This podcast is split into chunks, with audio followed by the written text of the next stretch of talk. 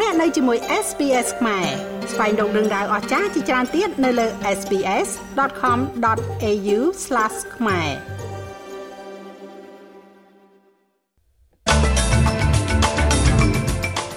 មានជំនួយផ្នែកហិរញ្ញវត្ថុបន្ថែមទៀតកំពុងដំណើរការសម្រាប់ប្រជាជនដែលរងផលប៉ះពាល់ដោយទឹកជំនន់ក្នុងរដ្ឋ Queensland គណៈបកប្រឆាំងបើកយុទ្ធនាការផ្សព្វផ្សាយការយល់ដឹងអំពីអំពើហិង្សាក្នុងគ្រួសារ និស្សិតម្នាក់បានបាញ់សម្លាប់ឪពុករបស់ខ្លួននិងមនុស្សយ៉ាងហោចណាស់14នាក់នៅឯសាកលវិទ្យាល័យប្រាក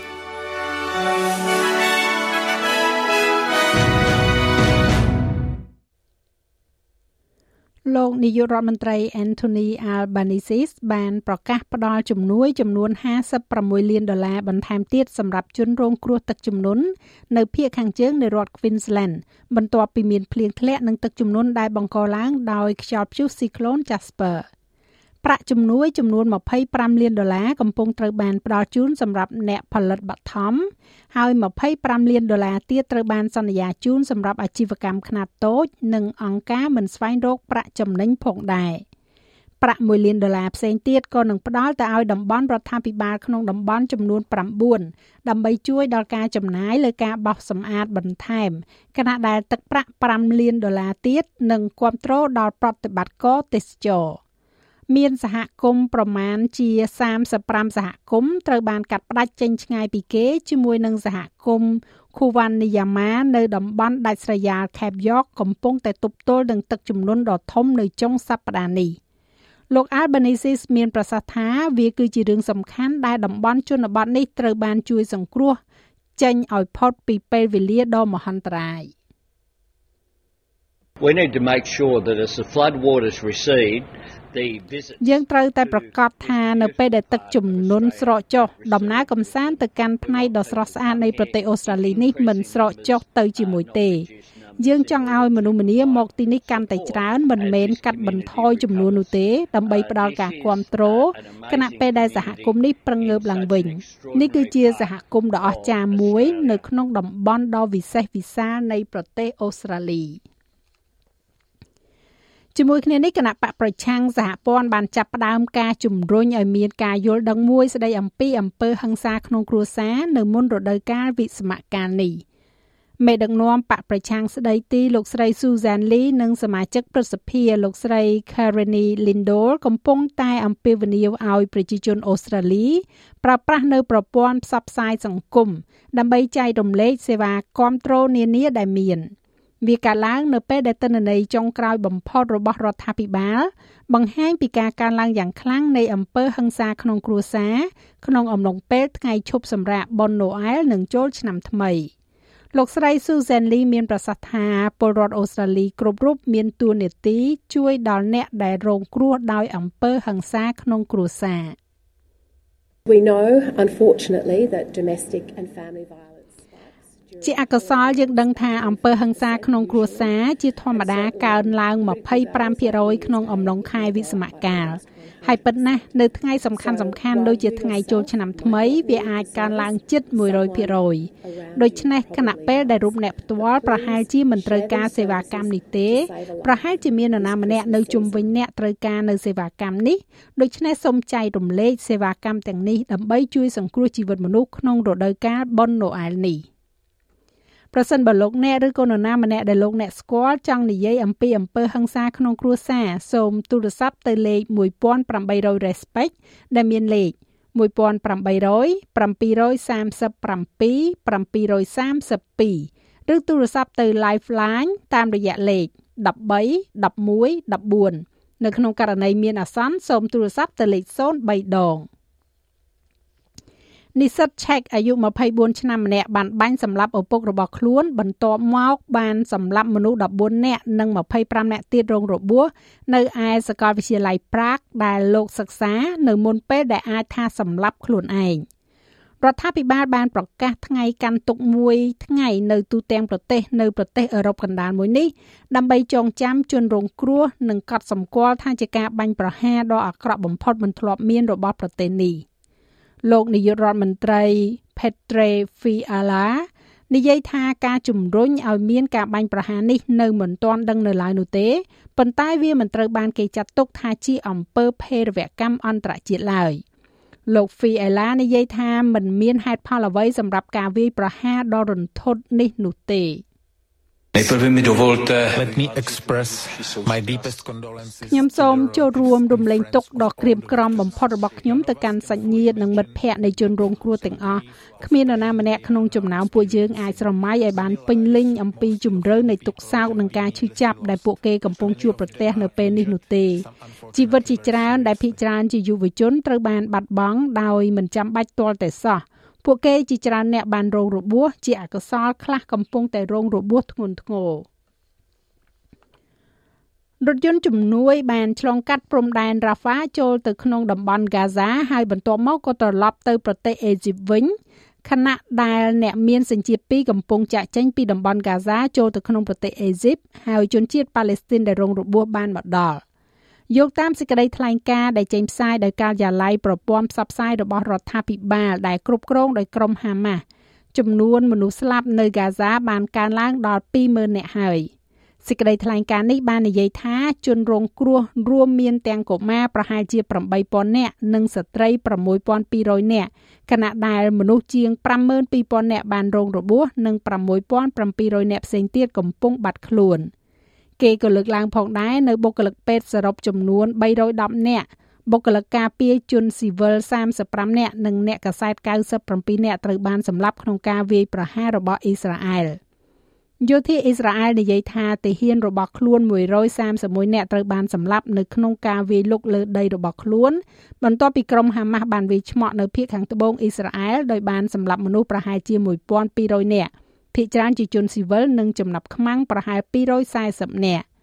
ជាង2ភាគ3នៃប្រជាជន2លាន3សែននាក់នៅកាហ្សាបានភៀសខ្លួនចេញពីផ្ទះសម្បែងរបស់ពួកគេ ដែលភាគច្រើននៃពួកគេផ្លាស់ទីលំនៅនៅខាងក្នុងស្រុក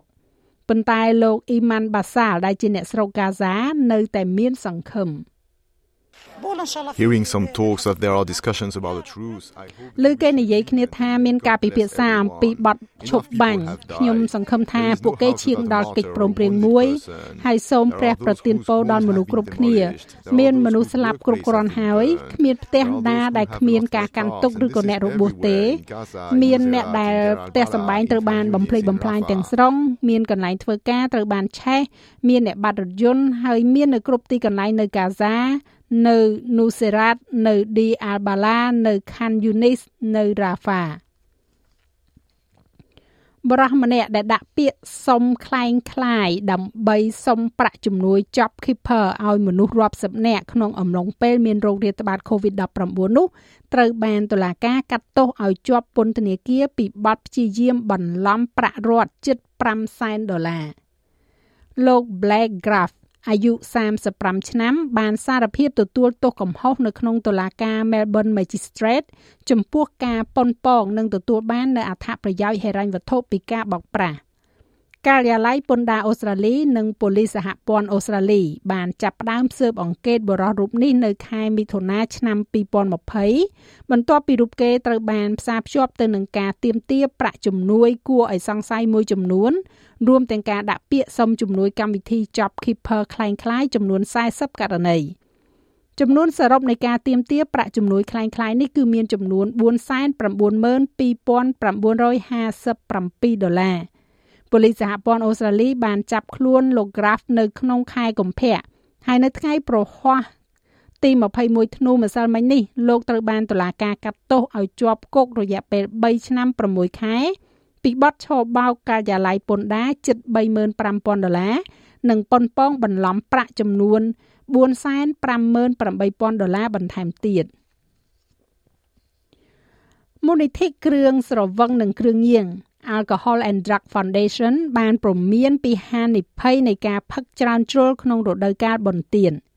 គេក៏បានចេញផ្សាយបញ្ជីនៃការណែនាំពីរបៀបគ្រប់គ្រងការទទួលទានគ្រឿងស្រវឹងរបស់លោកអ្នកផងដែរ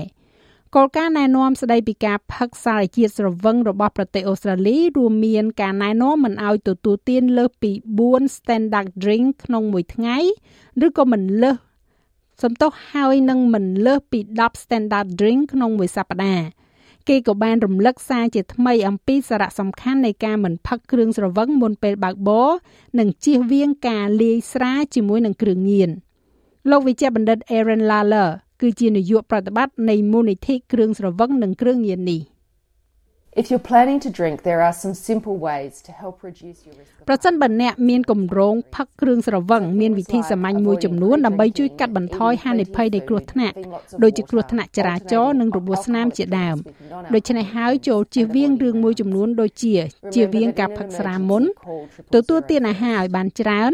ញ៉ាំទឹកឲ្យបានច្រើនផ្លាស់ប្ដូរភេសជ្ជៈមានជាតិអាល់កុលជាមួយនឹងភេសជ្ជៈដែលមិនមានជាតិអាល់កុលជាដើម និងជៀសវាងការផឹកជាជុំជាជុំ នៅក្នុងគ្រាអាសន្នសូមទូរស័ព្ទទៅលេខ03ដងនៅឯប្រទេសកម្ពុជាឯណោះវិញនាយករដ្ឋមន្ត្រីកម្ពុជាបញ្ជាឲ្យប៉ូលីសចរាចរណ៍ចាប់ជនល្មើសដែលបើកឡានបុកមនុស្សស្លាប់យកទៅកាត់ទោសលោកនាយករដ្ឋមន្ត្រីហ៊ុនម៉ាណែតបានចេញប័ណ្ណបញ្ជាផ្ទាល់មាត់មួយទៅកាន់អាជ្ញាធរសមត្ថកិច្ច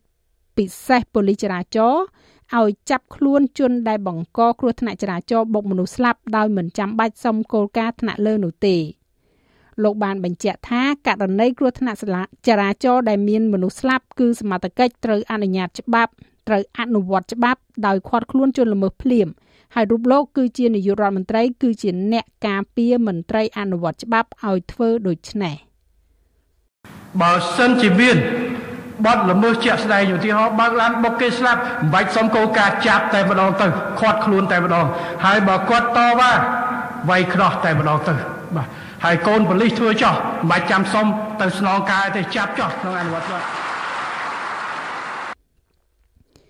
ចាស់ហើយលោកមេងផាឡានឹងជូនសេចក្តីរាយការណ៍ពិស្ដារនៅវគ្គក្រោយជាបន្តទៀតឬក៏លោកអ្នកអាចចូលស្ដាប់របាយការណ៍ពេញនៅលើគេហទំព័ររបស់យើងនោះគឺ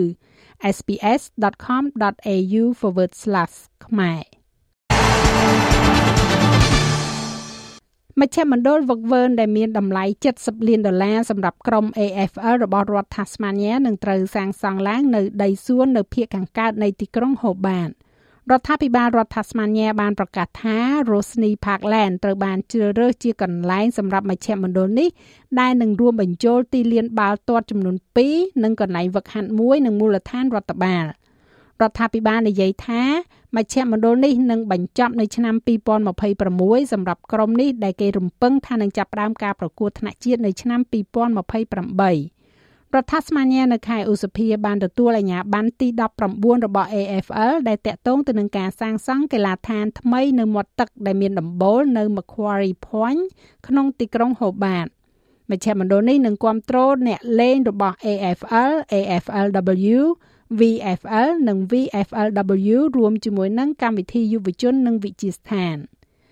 ចំណែកឯអត្រាប្តូរប្រាក់វិញ1ដុល្លារអូស្ត្រាលីមានតម្លៃប្រមាណជា68សេនដុល្លារអាមេរិកត្រូវនឹងជិត2800រៀលប្រាក់រៀលខ្មែរយើងក៏លេខមើលការព្យាករណ៍អាកាសធាតុសម្រាប់ថ្ងៃសៅរ៍ស្អែកនេះវិញទីក្រុងផឺតបើកថ្ងៃ34អង្សា មានពពកដោយពេលនៅ Adelaide 27អង្សា Melbourne បើកថ្ងៃ25អង្សា នៅ Hobart មានពពកដោយពេល20អង្សា Canberra រលឹមខ្លាំងឡើង25អង្សា នៅ Sydney មានពពកដោយពេល25អង្សារលឹមបន្តិចបន្តួចនៅ Brisbane 29អង្សា អាចនឹងមានរលឹមនៅ Cairns 32អង្សា នៅដាវិនអាចមានខ្យល់ព្យុះ35អង្សា និងនៅទីក្រុងភ្នំពេញមានពពក28អង្សា